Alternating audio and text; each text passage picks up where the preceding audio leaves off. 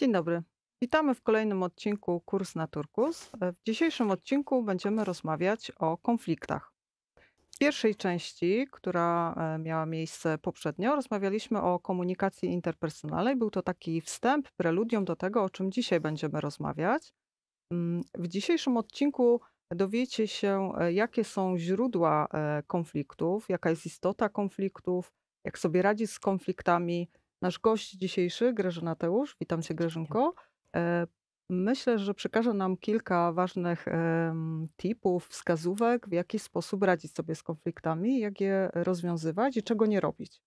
Tak? E, Porozmawiamy też o e, typach osobowości, jakie są zależności między typami osobowości a konfliktami. Czy one w ogóle są, czy ich nie ma i jakie są tutaj zależności na tej płaszczyźnie. E, Jakbyśmy mogli przejść do pierwszej kwestii, e, czym w ogóle jest konflikt, jakie jest źródło e, konfliktu, skąd się biorą konflikty między ludźmi? Mm, Jeśli mm, chciałybyśmy e, skupić się przede wszystkim na tym, skąd się biorą konflikty, e, to mm, na wstępie warto byłoby tutaj e, podkreślić, iż właśnie rodzina pochodzenia jest takim fundamentalnym środowiskiem, można powiedzieć matrycą do tworzenia relacji interpersonalnych. Jej wpływ w głównej mierze związany jest między innymi z powstawaniem schematów i skryptów e, związanych z postrzeganiem świata, e, z postrzeganiem siebie samego, innych osób oraz relacji z innymi. I stąd nawet najnowsze badania e, pokazują, e, że dzieci e, w dorosłości e, ujawniają bardzo podobne style komunikowania się i zachowania do tych, które obserwowały u rodziców. Czyli można powiedzieć także, że zjawisko e, transmisji pokoleniowej w rodzinie e, jest także w odniesieniu, istnieje, jest w odniesieniu także do e, konfliktów, rozwiązywania konfliktów. E, I tutaj e, właśnie poprzez obserwacje e, w dorosłości e, próbujemy e, też własne relacje w analogiczny sposób tworzyć. Czyli e, można powiedzieć, że dzieci to jest takie odbicie lustrzane, tak? e, rodziców. E, czyli mm, w jaki sposób teraz sobie z tym radzić? No bo powiedziałeś, że rodzina pochodzenia ma duży wpływ. Powiedzmy, że jestem osobą konfliktogenną, dostaję taki Tak. komunikat zwrotny od otoczenia.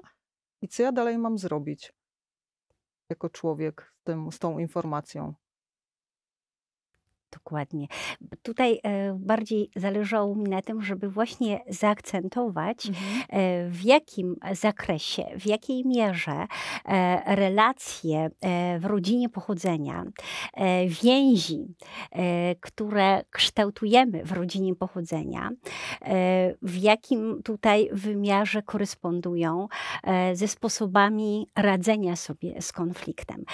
Jakość tych więzi no jednoznacznie właśnie decyduje o sukcesie też w radzeniu sobie e, z konfliktami, sytuacjami trudnymi i stresowymi. E, A skąd właśnie e, tutaj to nachylenie w spojrzeniu na dominantę jakości relacji interpersonalnych i więzi w systemie rodziny? Stąd właśnie, że rodzina pochodzenia od początku e, w rozwoju e, umożliwia zdobywanie zdolności psychospołecznych i tym samym e, realizację różnych zadań życiowych. I właśnie znaczenie rodziny, jakości więzi i relacji w niej zachodzących będzie tutaj też odgrywało swoją znaczącą rolę, jeśli chodzi o spojrzenie na sposoby radzenia sobie w obliczu tego, e, jakie w dzieciństwie i dorastaniu e, z obserwacji. E, tak naprawdę dostaliśmy w skrypcie, przekazie e, właśnie generacyjnym e, te zróżnicowane style działania Mm, w sytuacjach Tak. trudnych. A można je modyfikować w jakiś sposób? Powiedzmy, że diagnozuję u siebie takie nieprawidłowości i rozumiem, że można to jakoś w jakiś sposób korygować. No bo nabyłam to powiedzmy w dzieciństwie, I jak mam taką świadomość, to są jakieś sposoby, tak? Y, tak z twojego doświadczenia. Są sposoby, że które doprowadzą do tego, że mogę zmienić to? Tak, ta świadomość przede wszystkim e, wyostrza e, naszą wrażliwość, e, jak tak naprawdę do konfliktu możemy się odnieść, na co ukierunkować uwagę, mhm. czyli jakość tych naszych więzi i relacji będzie stanowiła punkt wyjścia do myślenia o radzeniu sobie w ogóle w sytuacjach życiowych związanych z takim doświadczanym permanentnie stresem, e, mhm. kryzysem. I można tutaj też jeszcze zauważyć, że tak naprawdę, jak mówimy o tym, skąd biorą się konflikty, jakie są główne źródła ich występowania, to musimy mieć też świadomość, że różnice między stronami, także w systemie rodziny, e, są właśnie tutaj tym jednym e, z istotnych też źródeł. I jeśli mówimy o różnicach między stronami, to musimy mieć świadomość, że są one obiektywne. I tutaj e, w obliczu tego obiektywizmu e, niezbywalna jest komunikacja. Czyli komunikacja jest bardzo potrzebna i brak tej komunikacji, e, bądź e, zaburzona komunikacja, nieprawidłowa, czy też błędy w interpretacji przekazów, albo e, nieadekwatne zarządzanie emocjami, to są właśnie takie prymarne źródła mhm. konfliktów. Można tutaj przede wszystkim też zauważyć, że wszystko, co w życiu robimy, tak naprawdę ma związek e, z zaspokajaniem potrzeb. I właśnie tutaj zaspokajanie potrzeb, e, jeżeli mamy świadomość, e, że jakieś istotne w rozwoju, w cyklu naszego życia, też rodzinnego, potrzeby nie zostają zaspokojone, to wtedy zaczynamy osądzać, zaczynamy obwiniać innych co też znajduje właśnie e, swój znamienny wyraz e, w sposobach komunikacji. I, wtedy I to się, rodzi tak, konflikt. Tak, I wtedy pojawiają się te bariery, o których mówiliśmy poprzednio, tak? Ocenianie, tak? Wyciąganie wniosków niesłusznych e, z rozmowy, tak? Z drugą osobą. A jakbyś mogła powiedzieć w kilku zdaniach, jaka jest istota w ogóle konfliktu? Czym jest konflikt? Mhm. E, tutaj bardziej chodziłoby o to, aby nie eskalować e, w takich sytuacjach mm, właśnie z wyniku e, zauważenia jakichś deficytów potrzeb, nie eskalować związanych z tym emocji, najczęściej negatywnych, i projektować je na innych, ale bardziej chodziłoby o to, aby właśnie zauważyć, co w tej konkretnej sytuacji w wyniku deficytu tych określonych potrzeb jest dla mnie ważne. I tutaj y, należałoby właśnie zaznaczyć, że w takich momentach sprawowanie kontroli nad emocjami y, jest tutaj naszym y, ważnym zadaniem. E, do zrealizowania. E, chodzi też właśnie o to, że to, e, co tak naprawdę przeszkadza w relacjach interpersonalnych, a także mm, też tych zawodowych, to przede wszystkim brak takiego zrozumienia różniących się potrzeb. E, tutaj e, właśnie ten brak e, takiego zrozumienia różniących się potrzeb w konsekwencji wywołuje jakiś swoisty rodzaj dystansu w relacji, wywołuje kłótnie. Zdarza się też, że doprowadza do zerwanych więzi, które bardzo trudno odbudować. Czyli zauważmy, że brak rozumienia potrzeb też jako jedna z przyczyn powstawania konfliktów, konfliktów. E, mamy tutaj e, analogiczną e, sytuację w kontekście zawodowego rozwoju, gdzie właśnie też w firmie, w organizacji spotykamy bardzo odmienne, zróżnicowane potrzeby i te odmienne, zróżnicowane potrzeby są nierzadko takim źródłem najtrudniejszych dysput tak. E, no i właśnie najtrudniejsze dysputy pokazują nam teraz, czy ty drogi słuchaczu, czy ty Aniu, jesteś świadoma, kiedy możesz, kiedy jesteś w stanie uznać zasadność tych różniących się potrzeb i jesteś e, tym samym usposobiona do tego, e, żeby podjąć się analizy ze zrozumieniem i empatią tych właśnie różniących się potrzeb. Tak? I tak. tutaj chodzi o to, że jeśli masz taką dyspozycję e, do uznania, e, że można przyjąć te różniące się potrzeby i że można poświęcić im uwagę e, w jakiejś wnikliwej analizie i w takiej właśnie analizie, która będzie prowadzone ze zrozumieniem, z empatią, to masz tutaj, drogi słuchaczu, i tak samo ty, Aniu, taką nową dla siebie perspektywę e, w postaci drogi, e, która będzie mm, ukierunkowywała nas na kreatywne poszukiwanie rozwiązań e, konfliktu, a tym samym na budowanie relacji, budowanie grupy, budowanie zaufania w relacji i co ważniejsze, na jej doskonalenie. Czyli tutaj chodzi o to, że kiedy rozwiązujemy konflikt, właśnie z uwagi na przyjęcie tych doniosłych, czasami bardzo dla nas niepojętych, odległych w myśleniu, e, różniących się e, tutaj, e, można powiedzieć, potrzeb, to od razu możemy tym samym bezboleśnie rozwijać zaufanie tak, tak w tak, relacji, kwestię poruszyłaś właśnie. w sytuacji, w jakiej się tak, znaleźliśmy. Tak, różne potrzeby, ale też różne typy osobowości, prawda? Jak jesteśmy w środowisku takim zawodowym, to spotykamy i flegmatyka, i melancholika, i sangwinika, tak? I jak na jednym e, metrze kwadratowym spotka się e, cztery różne osobowości, no to taki konflikt czasami może być murowany. I właśnie ta świadomość, o której mówiłaś, potrzeb i tego, że mm, nie wszyscy są tacy jak ja, prawda? Nie wszyscy są tak zorganizowani, e, nie wszyscy lubią mieć plan na wszystko, niektórzy działają spontanicznie, ale świadomość tego, że każda osoba ma umiejętności do prowadzenia pracy w innym aspekcie i szanowanie tego właśnie mm, jest niezwykle ważne. Jak już jesteśmy przy tym temacie, jak mogłabyś się właśnie do tego odnieść? Czy są jakieś zależności między typami osobowości a e, konfliktami i jakie w tym zakresie są e, uwarunkowania czy zależności, czy w ogóle są? Czy, czy są takie typy osobowości, które są bardziej konfliktogenne, inne mniej? Mhm.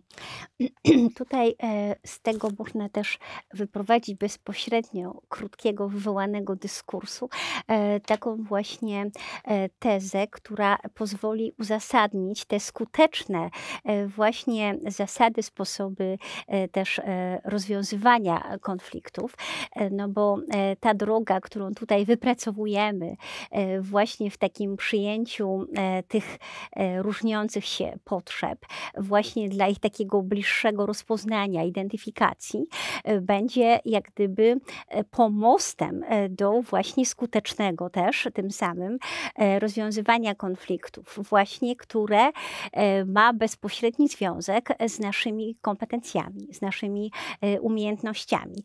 I tutaj, jeśli mamy na uwadze właśnie jaki rodzaj skutecznych kompetencji należałoby wywołać w, w sytuacji, sytuacji zaistnienia sporu, e, czy też sytuacji e, kryzysowej, e, trudnej, nacechowanej silnym stresem, to właśnie jedną z takich pierwszych umiejętności wysoce ocenianych jest radzenie sobie ze stresem. I to jest paradoksalne, ponieważ e, właśnie zachowanie takiej e, swoistej równowagi wewnętrznej, zachowanie spokoju i spojrzenie e, na stres, które dzisiaj też każdy z naszych słuchaczy może sobie sformułować takie pytanie, czy dla niego właśnie stres jest tylko czymś, co należy ominąć, co należy odrzucić, co przeszkadza jemu w rozwoju, czy też może od dzisiaj zastanowić się, e, co może zrobić, żeby stres e, właśnie nie należało umijać, tylko potraktować jako siłę napędową w rozwoju, e, czyli jako taką motywację Adrenalina. do działania. Mhm. I teraz, jeżeli mamy taką świadomość, że potrafimy też z rodziny pochodzenia wykorzystać tutaj w tej umiejętności radzenia sobie ze stresem nasze zasoby i możemy jeszcze sukcesywnie doskonaląc kompetencje mm, komunikacji niewerbalnej, e, tę skrzynkę z zasobami wzbogacać na przykład, e, to możemy nagle się przekonać, e, że ten stres stanie się dla nas okiełznany. To znaczy, że będziemy potrafili właśnie mm, też wygenerować z tych wszystkich doświadczeń związanych z przeżywaniem w stresie e, stresorów, takich jak różnego rodzaju trudne dla nas wydarzenia, niechciane, czy też e, seria wydarzeń, e, będziemy mogli dokonywać pewnej takiej selekcji tych stresorów z uwagi też na nową świadomość, że jeśli stres staje się dla mnie teraz siłą napędową do rozwoju, to być może niektóre stresory, których doświadczam w stresie, e, nie są e, dla mnie korzystne. To znaczy, że mogą być tak zwanymi stresorami pozbawionymi sensu. I tutaj e, możemy dokonać właśnie takiej selekcji, co jest dla mnie ważne, który ze stresorów może mieć dla mnie sens i znaczenie, a który mogę odrzucić które mogę oddalić. I stąd właśnie ta pierwsza taka umiejętność w takim skutecznym podejmowaniu e, wysiłków wzmaganiowych e, w odpowiedzi na konflikt, na sytuację trudną, kryzysową, e, właśnie odnosiłaby się bezpośrednio do tej wysokiej kompetencji, jaką jest radzenie sobie ze stresem. I równolegle prawidłowe adekwatne odczytywanie i interpretowanie wszystkich werbalnych i niewerbalnych sygnałów. E, to jest taka pierwsza, można powiedzieć, w skutecznym rozwiązywaniu e, zasada, która e, od razu umożliwia nam inny rodzaj perspektyw w percypowaniu trudności, w jakiej się znajdujemy. Drugą będzie trochę coś bardziej doniosłego, ponieważ chodzi o kontrolowanie jako umiejętność i kompetencja, kontrolowanie emocji i zachowania to jest bardzo e, znaczące dla nas, jeśli myślimy o e, poszukiwaniu skutecznych e, strategii kierowania konfliktem. Co to znaczy zachowywać kontrolę nad emocjami i zachowaniem? Chodzi tutaj o to, że jeśli dzisiaj słuchacz ma takie przeświadczenie na swój temat, e, że raczej w sytuacji konfliktu, w sytuacji silnego stresu nie ma kontroli nad zachowaniem i emocjami, nie posiada tej kompetencji, traci tę kontrolę, to wtedy musimy sobie uświadomić, że e, będziemy od razu na starcie odczuwać deficyt dostępu do swoich potrzeb bez e, właśnie takiego świadomego ich rozumienia w sobie. Czyli właśnie chodzi o to, że jeśli jesteś w stanie komunikować swoje potrzeby, e, to wtedy tak naprawdę bez manipulacji, grożenia możesz nazywać swoje uczucia, możesz je wyrażać adekwatnie, dzięki temu, że wiesz, co tu i teraz się w tobie dzieje. Wiesz, czego doświadczasz, co przeżywasz, tak? I tutaj właśnie chodziłoby o skupianie uwagi na wyrażaniu tych uczuć. I tutaj mam taką, myślę, dość e, inspirującą propozycję e, odnośnie tej kompetencji skutecznego rozwiązywania konfliktów, e, jak właśnie spojrzeć dzisiaj już w trochę odmienny sposób na siebie, jak ja doświadczam emocji, które tak bezpośrednio we mnie ujawniają się w sytuacji stresowej czy też trudnej. I tutaj właśnie chciałam zaproponować, żeby zastanowić się, czy masz świadomość, że emocja zawsze wysyła w Twoją stronę określoną wiadomość że zachęca Cię do przyjęcia tej wiadomości. Zachęca Cię też do uznania jej przeżycia, nie tylko biernego przeżywania, ale także doświadczania tego, co w tej emocji właśnie e, zachodzi, jaki rodzaj przekazu masz odebrać z tej wiadomości. I tutaj można się zastanowić, mm, co w ogóle robić z emocjami e, w sytuacji skutecznego odpowiadania na konflikt. Tak? I właśnie tutaj chodzi o to, że może od dzisiaj każdy do mm, tego sprawowania osobistej kontroli nad emocjami i zachowaniem podjąć trochę zróżnicowany niż dotąd wysiłek e, z innym rodzajem refleksyjności. Na przykład zastanowić się, co robię, kiedy doświadczam emocji. Czy mam świadomość, że wszystkie są ważne? E, że każda z nich ma dla mnie jakąś korzyść, ma dla mnie jakieś konkretne znaczenie.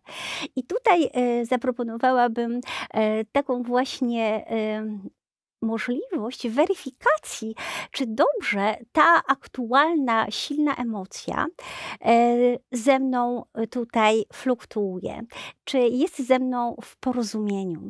I jak mogę to zrobić, żeby sprawdzić, czy tak jest rzeczywiście. Na początku należałoby się zastanowić, stawiając sobie takie elementarne pytanie. Skąd przybywa do do mnie ta konkretna emocja, skąd ona teraz przychodzi, skąd do mnie bezpośrednio jest kierowana. Następnie mogę zapytać, skąd właśnie tu i teraz doświadczam ten rodzaj stanu, skąd teraz doświadczam ten, a nie inny rodzaj przeżycia, tak? Zapytaj kiedyś samego siebie i zobacz, sprawdź, czy to ułatwi ci Y, znajdowanie się w trudnej dla siebie sytuacji, nacechowanej stresem, tak? Zapytaj też o przyczynę. Co jest przyczyną tego, co teraz doświadczam bezpośrednio? Czy mam nad tym kontrolę? Czy wiem, czego doświadczam, tak? Dlaczego tak się dzieje? To może być kolejne pytanie, które y, też formułuję, tak? Y, mogę też zapytać, jakie są skutki dla mnie tej doświadczanej teraz w przeżyciu emocji? Dlaczego tak się dzieje? I jak sobie z tym radzić? I jakie mam też z tego korzyści. I tutaj właśnie e, jest to taka propozycja, która może od dzisiaj bardziej świadomie ukierunkowywać nas na poszukiwania skutecznych e, strategii kierowania właśnie konfliktem. Mamy też jeszcze dwie inne, takie jak na przykład skupianie uwagi e, też na słowach, które być może od razu zostają zapamiętane jako te, które odbierają szacunek drugiej stronie e, konfliktu, tak? Czyli musimy tutaj weryfikować, czy gesty i słowa przypadkiem e, tu i teraz wyrażane e, nie będą od razu zapamiętane przez drugą stronę jako te, które odbierają jemu szacunek. Tak? I bycie świadomym tak? różnic to jest kolejna skuteczna sposobność do odpowiadania bezpośredniego na sytuacje trudne i e, stresowe. Bycie świadomym różnic oraz szanowanie ich, co wydaje się najbardziej złożone, skomplikowane. Także tutaj zachęcałabym właśnie w tych e, obszarach do takich penetracji e, swojego zespołu kompetencji, umiejętności, które jeszcze wymagają większej niż dotąd uważności i doskonalenia. Mhm. Dobrze, to mm, opowiedziałaś nam bardzo fajnie tutaj o takich konstruktywnych sposobach rozwiązywania też konfliktów i radzenia sobie w takich stresogennych sytuacjach. A jakbyś nam mogła powiedzieć ze swojego też doświadczenia, czy, czy znasz jakieś takie najczęściej stosowane błędy i niewłaściwe sposoby rozwiązywania e, konfliktów i jakie one mają konsekwencje potem dalej? Mhm. E, tutaj e, jeszcze jest taki jeden wątek, e, który myślę też warto wyeksponować, kiedy próbujemy ustalić jakąś tutaj hierarchię zdarzeń do udziału tych właśnie konkretnych umiejętności, kompetencji, zdolność do poszukiwania kompromisu. E, to też jedna z takich, wydawałoby się, oczywistych umiejętności, e, ale ona jest też e, taką jedną z najtrudniejszych, bo w typologii radzenia sobie z kryzysem zyskuje na najwyższej tutaj wartości i znaczeniu. Tutaj chodzi o poszukiwanie kompromisu oraz unikanie takiej postawy wymierzania kary. Czyli to y, w zespole tych wcześniej wywołanych umiejętności należałoby też jeszcze przewidzieć, jaka tutaj jest y, moja y, osobista gotowość do właśnie rezygnacji z wymierzania kary na rzecz poszukiwania kompromisu. I coś jeszcze takiego równie istotnego, jak wiara, że rozwiązanie konfliktu może wesprzeć zarówno interesy i potrzeby obu stron. To znaczy, że może zarówno jak jednej, jak i drugiej e, wesprzeć e, potrzeby, interesy. Właśnie tutaj jest potrzebna wysoka wiara, że właśnie to rozwiązanie konfliktu jest możliwe właśnie dzięki wsparciu interesów i potrzeb obu stron, tak?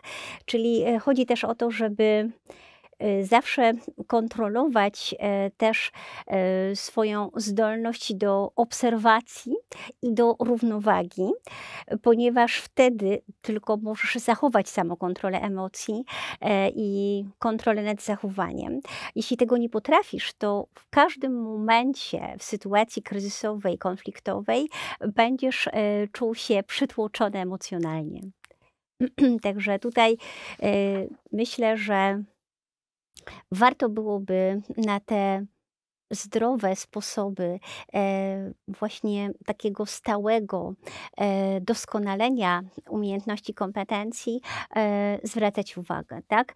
I to jest najważniejsze, żeby ten szacunek też pozostawał w centrum naszego tutaj spojrzenia na relacje, czyli unikamy słów i gestów, tu jeszcze trzeba raz jeszcze powtórzyć, e, które mogą być zapamiętane jako brak szacunku. szacunku. Tak jakby mhm. elementaria e, właśnie związane z taką naszą zdolnością do tego, żeby zaniechać swoją postawą takiego powstawania urazów, podziałów i też powstawania traum w wyniku właśnie braku tych e, mhm. skutecznych e, sposobów odpowiadania na sytuacje trudne i konfliktowe, tak? A czy mogłabyś naszym słuchaczom powiedzieć e, i przekazać jakieś wskazówki, w jaki sposób czy w ogóle można się tego nauczyć? Wskazówki, jak uczyć się tych, tych sposobów radzenia sobie z konfliktami? Czy mogłabyś jakieś takie sprawdzone sposoby nam przekazać? Są jakieś takie tak. magiczne tak. e, Czyli jak sztuczki? Mm, rozwijać te kompetencje? Y, nie, bardziej y, jak się uczyć y, rozwiązywać konflikty.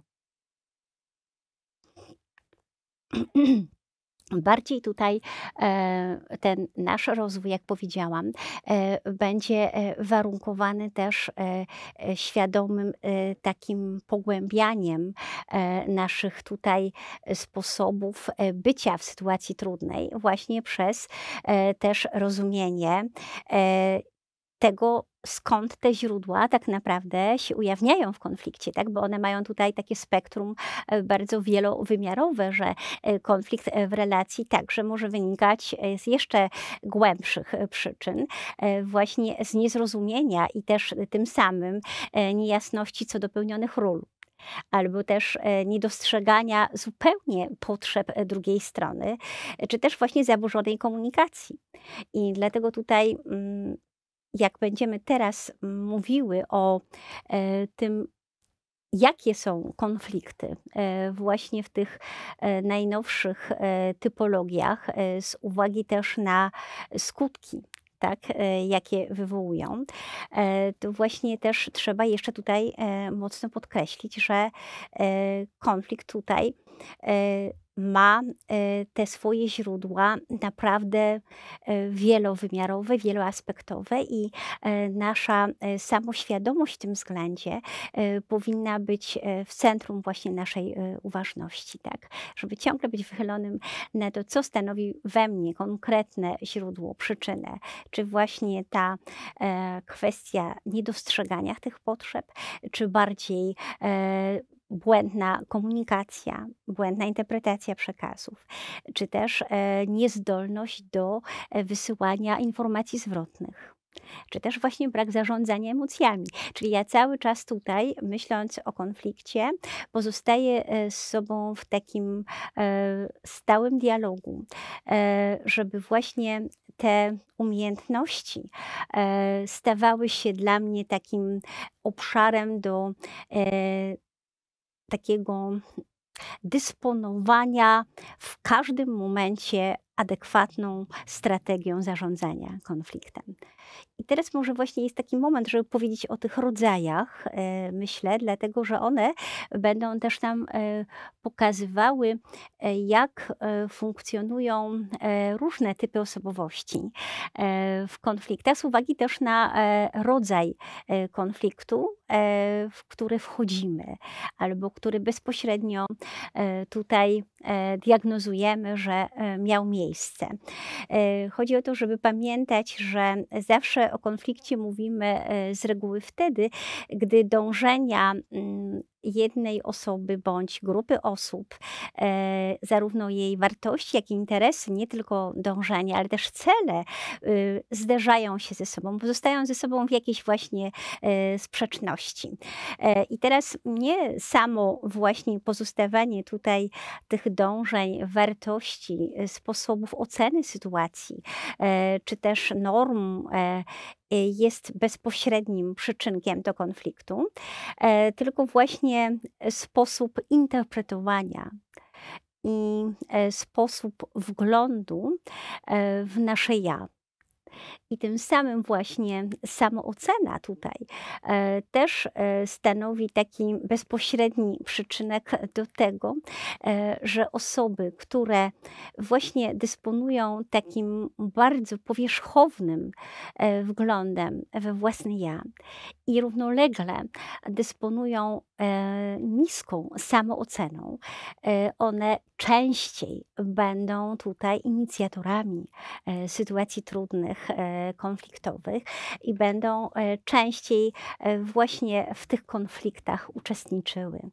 I stąd tutaj e, trzeba też zapamiętać, że w bardzo takiej złożonej w psychologii typologii e, konfliktów e, istnieją e, takie typy, które są dość powszechne. Mówimy o konfliktach destruktywnych i mówimy o konfliktach mm, też konstruktywnych konflikty mm, konstruktywne też nazywane są takimi konfliktami, które są integrującymi, a konflikty mm, destruktywne, one właśnie tutaj mm, dezintegrują. I też warto o tym pamiętać. Co się dzieje właśnie w sytuacji, kiedy e, doświadczamy e, konfliktu e, właśnie tego, który jest destruktywny. Tutaj myślę, że słuchacz powinien sobie uświadomić, czy wie, kiedy zachodzi sytuacja konfliktu destruktywnego. Chodzi tutaj o to, że poznać go można po tym, e, że konflikt destruktywny przybiera najczęściej taką postać rozlaną. E, to znaczy, że obejmuje on bardzo zróżnicowane obszary e, naszego funkcjonowania. I w założeniu konflikt destruktywny jest właśnie czymś takim, co w samym swoim celu odnosi się do zadawania cierpień w samym swoim celu odnosi się konflikt destruktywny do e, właśnie takiego zadawania różnego rodzaju szkód. E, I tutaj mm, ma on taką e, postać w swoim charakterze antagonistyczną, czyli jest to spór właśnie o takim charakterze antagonistycznym i łączy się on generalnie mm, przede wszystkim z lękiem, łączy się on z doświadczaniem frustracji i agresji. O tym e, bardzo warto pamiętać, ponieważ e, konflikt destruktywny e, manifestuje się tak naprawdę w postaci walki otwartej. I e, czasami zdarza się też, że będzie się e, inaczej nam ujawniał e, w formie takiego ukrytego sabotażu.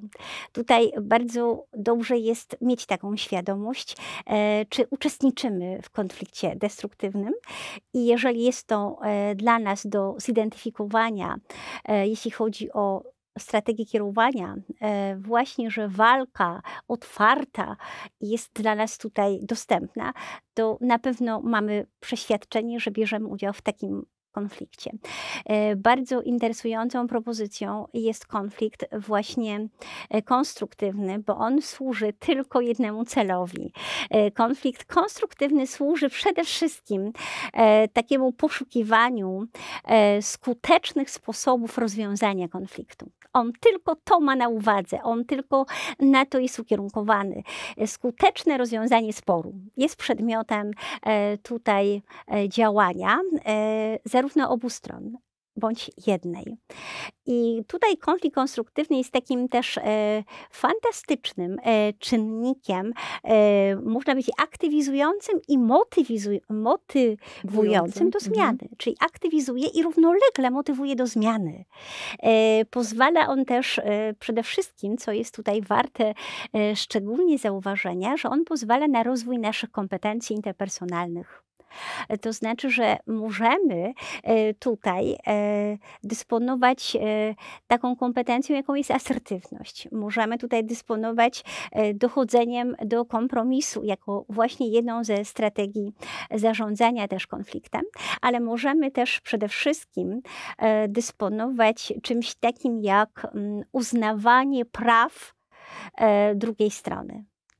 Czyli te dwa rodzaje konfliktu pokazują tutaj e, jednoznacznie, e, że możemy być świadkami takich e, właśnie też w obliczu tych typologii, możemy być właśnie świadkami tego, że konflikty o charakterze desintegrującym, czyli te właśnie destruktywne, one e, w swoim tutaj zamyśle, przede wszystkim e, jeśli chodzi o przedmiot konfliktu, e, będą tutaj tak naprawdę odwoływały się do naszych różnego rodzaju halucynacji, przypuszczeń, fantazji i takiego właśnie raniącego postrzegania siebie nawzajem. I tutaj właśnie to, co właściwie stanowi oblicze konfliktu e, tego e, desintegrującego, czyli właśnie nadużywanie e, fantazji, przypuszczeń, halucynacji w ocenie sytuacji prowadzi do tego, że mamy równolegle do czynienia z takim zaangażowaniem nie obu stron. Czyli tutaj to się też w tym konflikcie będzie jednoznacznie eksponowało i żadna ze stron tym samym nie będzie chciała tutaj wziąć odpowiedzialności e, za skutki e, konfliktu, a także nie będzie zaangażowana w łagodzenie napięć nie będzie w ogóle zainteresowana e, właśnie łagodzeniem, tylko e, będzie też e, ta sytuacja konfliktu nam jakoś mocno eksponowała intencje osób uczestniczących w tego typu konflikcie, gdzie mm, będą tutaj przede wszystkim bardzo nagromadzone sprzeczne komunikaty. E, będą właśnie te sprzeczne komunikaty budowały równolegle poczucie bezsilności. I dlatego kierunek działań w tego typu konfliktach e, zawsze wydaje nam się mglisty. E, brak nam tutaj konkretnych działań. To są takie działania donikąd. Dobrze, I właśnie te, tak się najbardziej tutaj ujawniają nam y, konflikty destruktywne, te właśnie dezintegrujące. I teraz ktoś może zapytać y, i y, słuchający nas dzisiaj mm, odbiorcy mogą mieć poczucie takiego niedosytu. No więc jeśli mamy takie w typologii dwa znaczące typy konfliktu, to w przebiegu tego konfliktu właśnie mm, dezintegrującego, czego brakuje?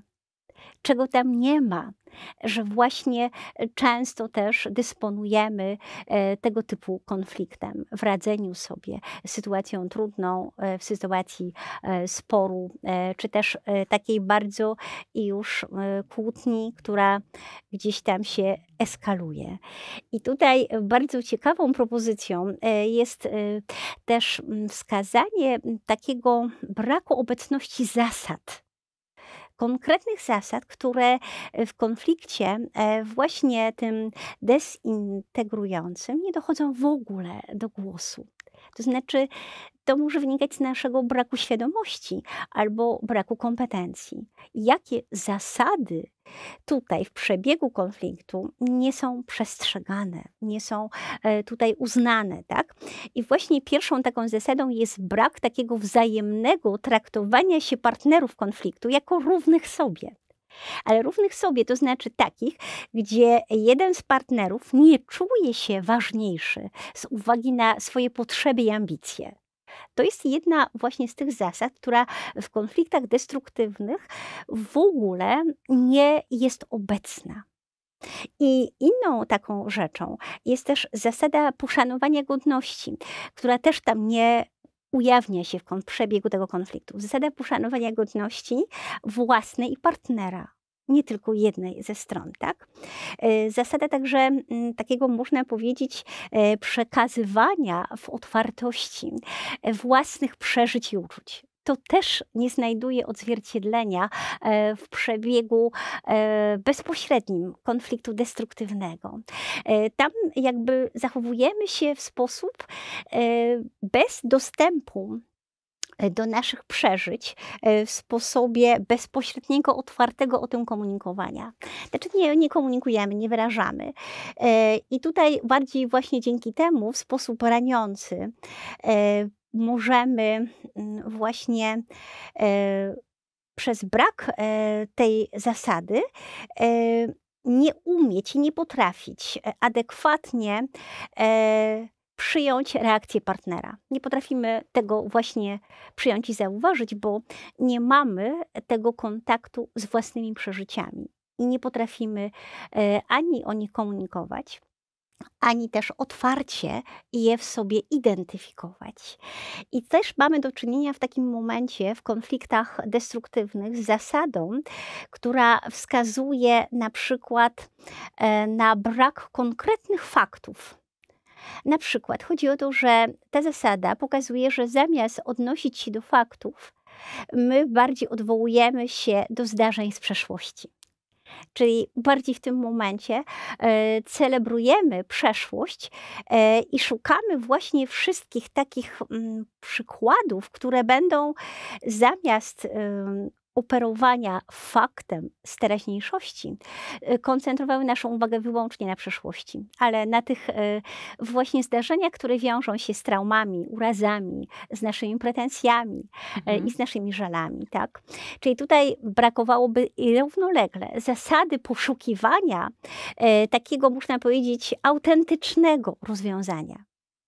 Czyli właśnie o co chodzi? Chodzi o to, że nie mamy takiego wychylenia, nie mamy takiej predyspozycji w konfliktach destruktywnych, e, żeby właśnie poszukiwać autentycznie rozwiązań. Czyli możemy powiedzieć, że gdzieś mistyfikujemy, gdzieś właściwie pozorujemy te poszukiwania. I to jest też dla nas tutaj bardzo ważna dzisiaj wskazówka, żeby przyjrzeć się e, właśnie tym deficytowym zasadom, które trzeba przywołać i trzeba je właśnie wprowadzić w sytuację konfliktu, żeby nie mierzyć się e, z konfliktami dezintegrującymi, tak? Czyli chodzi też o to, żeby tutaj jeszcze na koniec zasadę przebaczenia zasadę przebaczenia w konflikcie e, właśnie dezintegrującym wprowadzić, szczególnie w fazie takiej wygaszania konfliktu, bo ona powinna być tutaj naprawdę e, autentyczna, taka, prawdziwa. Mhm. Tak, taka, że, ale też wynikająca e, z takiego mm, przeświadczenia obu stron że to ma sens, że zasada przebaczenia e, w tej właśnie fazie wygaszania konfliktu e, jest niezbędna. I mamy tylko zasadę, jeszcze ostatnią, zasadę wypełniania postanowień wynikających z negocjacji ustaleń między tak, stronami. Dokładnie, że to, co mhm. negocjujemy, co mhm. ma mm, być jako zmiana, Rozumiem. to tutaj chodzi o to, żeby ta zasada postanowień wynikających z tych negocjacji głośno tutaj wybrzmiała i e, została też przez nas e, silnie eksponowana właśnie też jeśli chodzi o kontrolę, tak? Że to jest takie bardzo, bardzo ważne. I tylko na koniec jeszcze tego wątku chciałabym dodać, że e, tutaj te destruktywne e, właśnie kierowanie konfliktem e, z uwagi na nieobecność tych wyróżnionych przeze mnie zasad, one właśnie mają związek z taką obecnością bardzo konkretnych form zachowań. I takim pierwszym zachowaniem, które właśnie ma związek z, mm, z, naszą obecnością w konflikcie e, destruktywnym, to jest przede wszystkim unikanie. Unikanie e, nie tylko mm, takie fizyczne, ale także emocjonalne. To są te momenty, kiedy e, my nie jesteśmy świadomi, dlaczego partner, osoba w relacji interpersonalnej z nami nagle formalizuje relacje tak e, nagle e, prowadzi jakby taki swój wewnętrzny porządek e, wobec mm, aktywności, jakie podejmuje w oddaleniu od nas tak? Znaczy nie, nie odczuwa potrzeby właśnie bycia razem.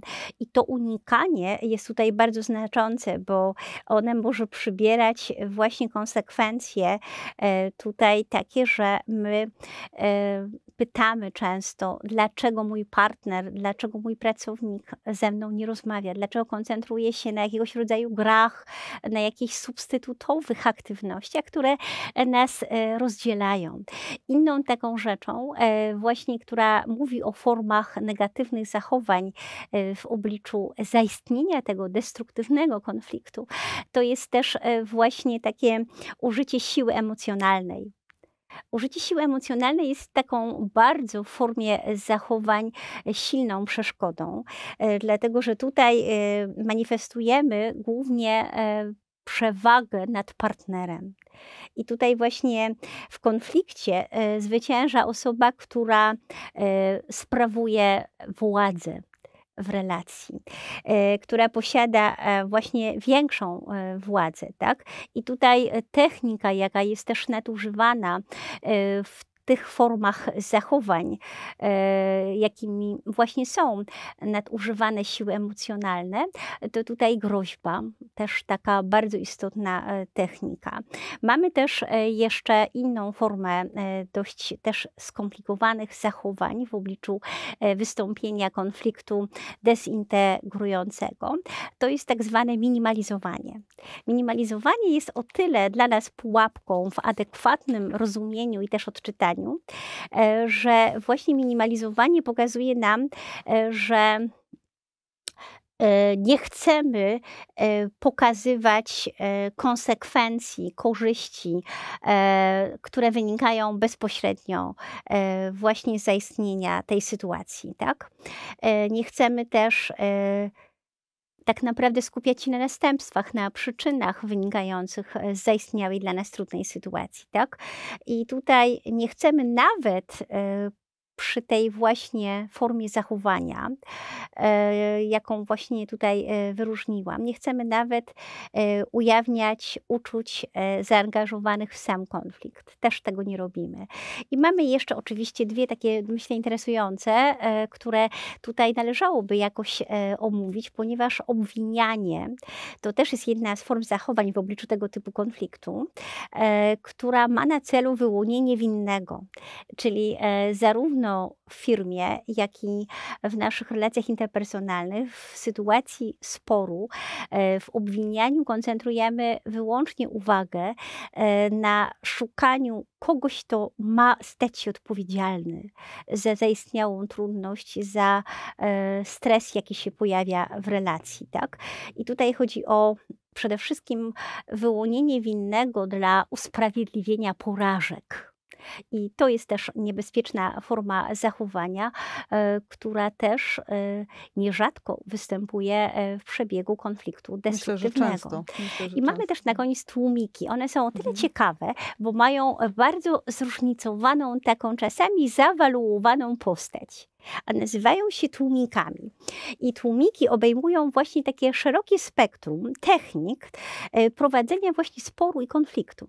I takim pierwszym tłumikiem to jest takie dosłowne w naszym działaniu uciszanie drugiej strony uciszanie w czasie konferencji, uciszanie w czasie dialogu, e, e, uciszanie poszczególnych osób albo też wszystkich uczestników, tak? Czyli uciszanie jako tłumik tak?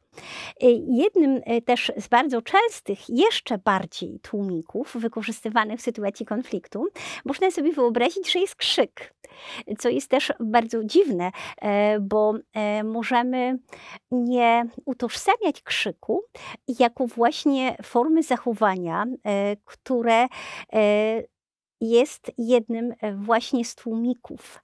E, to znaczy, że krzyk, kiedy jednostka nagle przekonuje się o swojej świadomości, o potencjalnej przegranej w konflikcie, to właśnie stosuje najczęściej technikę krzyku.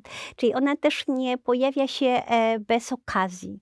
Ona jest jak gdyby takim właśnie aktem bezredności, e, poczucia właśnie takiej dezorientacji. I stąd tłumik w postaci krzyku tutaj silnie się eksponuje. Tak? Mamy też takie tłumienie, które jest w tych właśnie sposobach e, reagowania e, jest też intensywnym wzburzeniem emocjonalnym. To też jest jeden z tłumików, e, że intensywnie wzburzam się emocjonalnie i pokazuję, że totalnie zagubiłam kontrolę nad sytuacją, nad zachowaniem, a przede wszystkim nad wglądem w to, o czym dzisiaj mówiłam wcześniej, emocjach, e, co teraz przeżywam, skąd to we mnie pochodzi, co się dzieje, tak? Czyli właśnie też to tutaj bardzo bym na to zwracała uwagę, e, ponieważ większość takich tłumików e, w tych manifestacjach, w konfliktach destruktywnych silnie dochodzi do głosu. I mamy takie jeszcze fajne tłumiki, e, jak na przykład nagły, silny ból głowy, że ktoś od razu komunikuje, muszę opuścić pomieszczenie, muszę zatrzymać dialog, e, bo tak bardzo gwałtownie odczuwam silny ból głowy, albo my obserwujemy rodzaj skróconego oddechu. To mhm. też jest bardzo ciekawe, żeby dzisiaj sobie uświadomić, że to też są tłumiki. I mamy na koniec jeszcze ostatnią propozycję. Jest to worek. Worek właśnie jako taka technika rozwiązywania konfliktu właśnie w obliczu tych destruktywnych, tak? Że my się też tą techniką wspieramy, kiedy bezpośrednio jesteśmy zaangażowani w konflikt e, właśnie ten dezintegrujący, tak? Co to jest worek? Worek to jest właśnie taki, taka technika w konflikcie, która odnosi się do praktyki gromadzenia wszelkich e, zróżnicowanych naszych żalów, naszych urazów, E, wszelkich naszych e, traum, e, które można w sytuacji sporu, konfliktu, kłótni gwałtownie wyładować. Tak? I ta technika właśnie będzie powodowała jeszcze eskalację konfliktu, będzie wzbudzała konflikt, tak?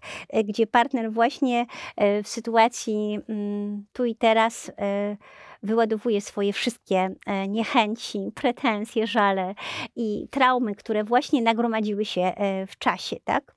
Czyli to są takie różnego rodzaju też przejawy i formy niezadowolenia i wyrażanej niechęci, tak? I jest taka jeszcze ostatnia, odrzucenie osobiste.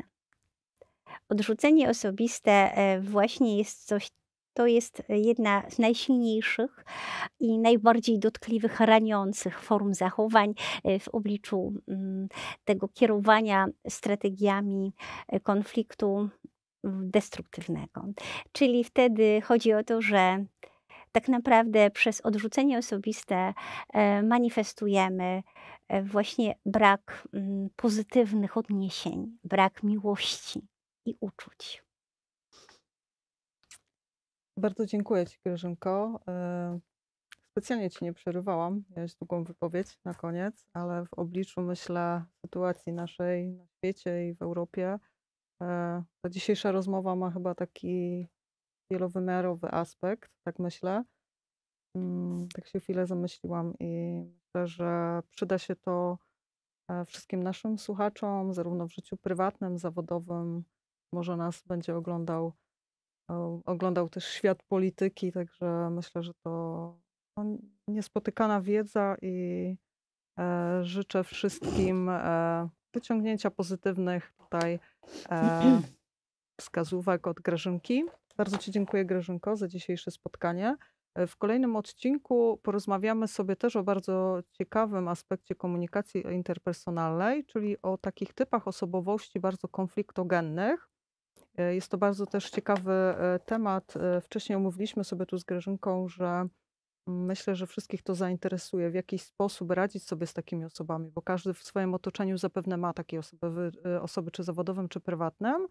I podzielimy się z Wami e, informacjami, w jaki sposób e, radzić sobie z tymi osobami, tak żeby one nie wpływały bardzo negatywne na, negatywnie na nasze życie, a jeżeli już wpływają, to jak, w jaki sposób sobie e, z tym mamy radzić. Także bardzo Wam dziękuję za dzisiaj i do zobaczenia w kolejnym odcinku. Dziękuję bardzo. Bardzo dziękuję.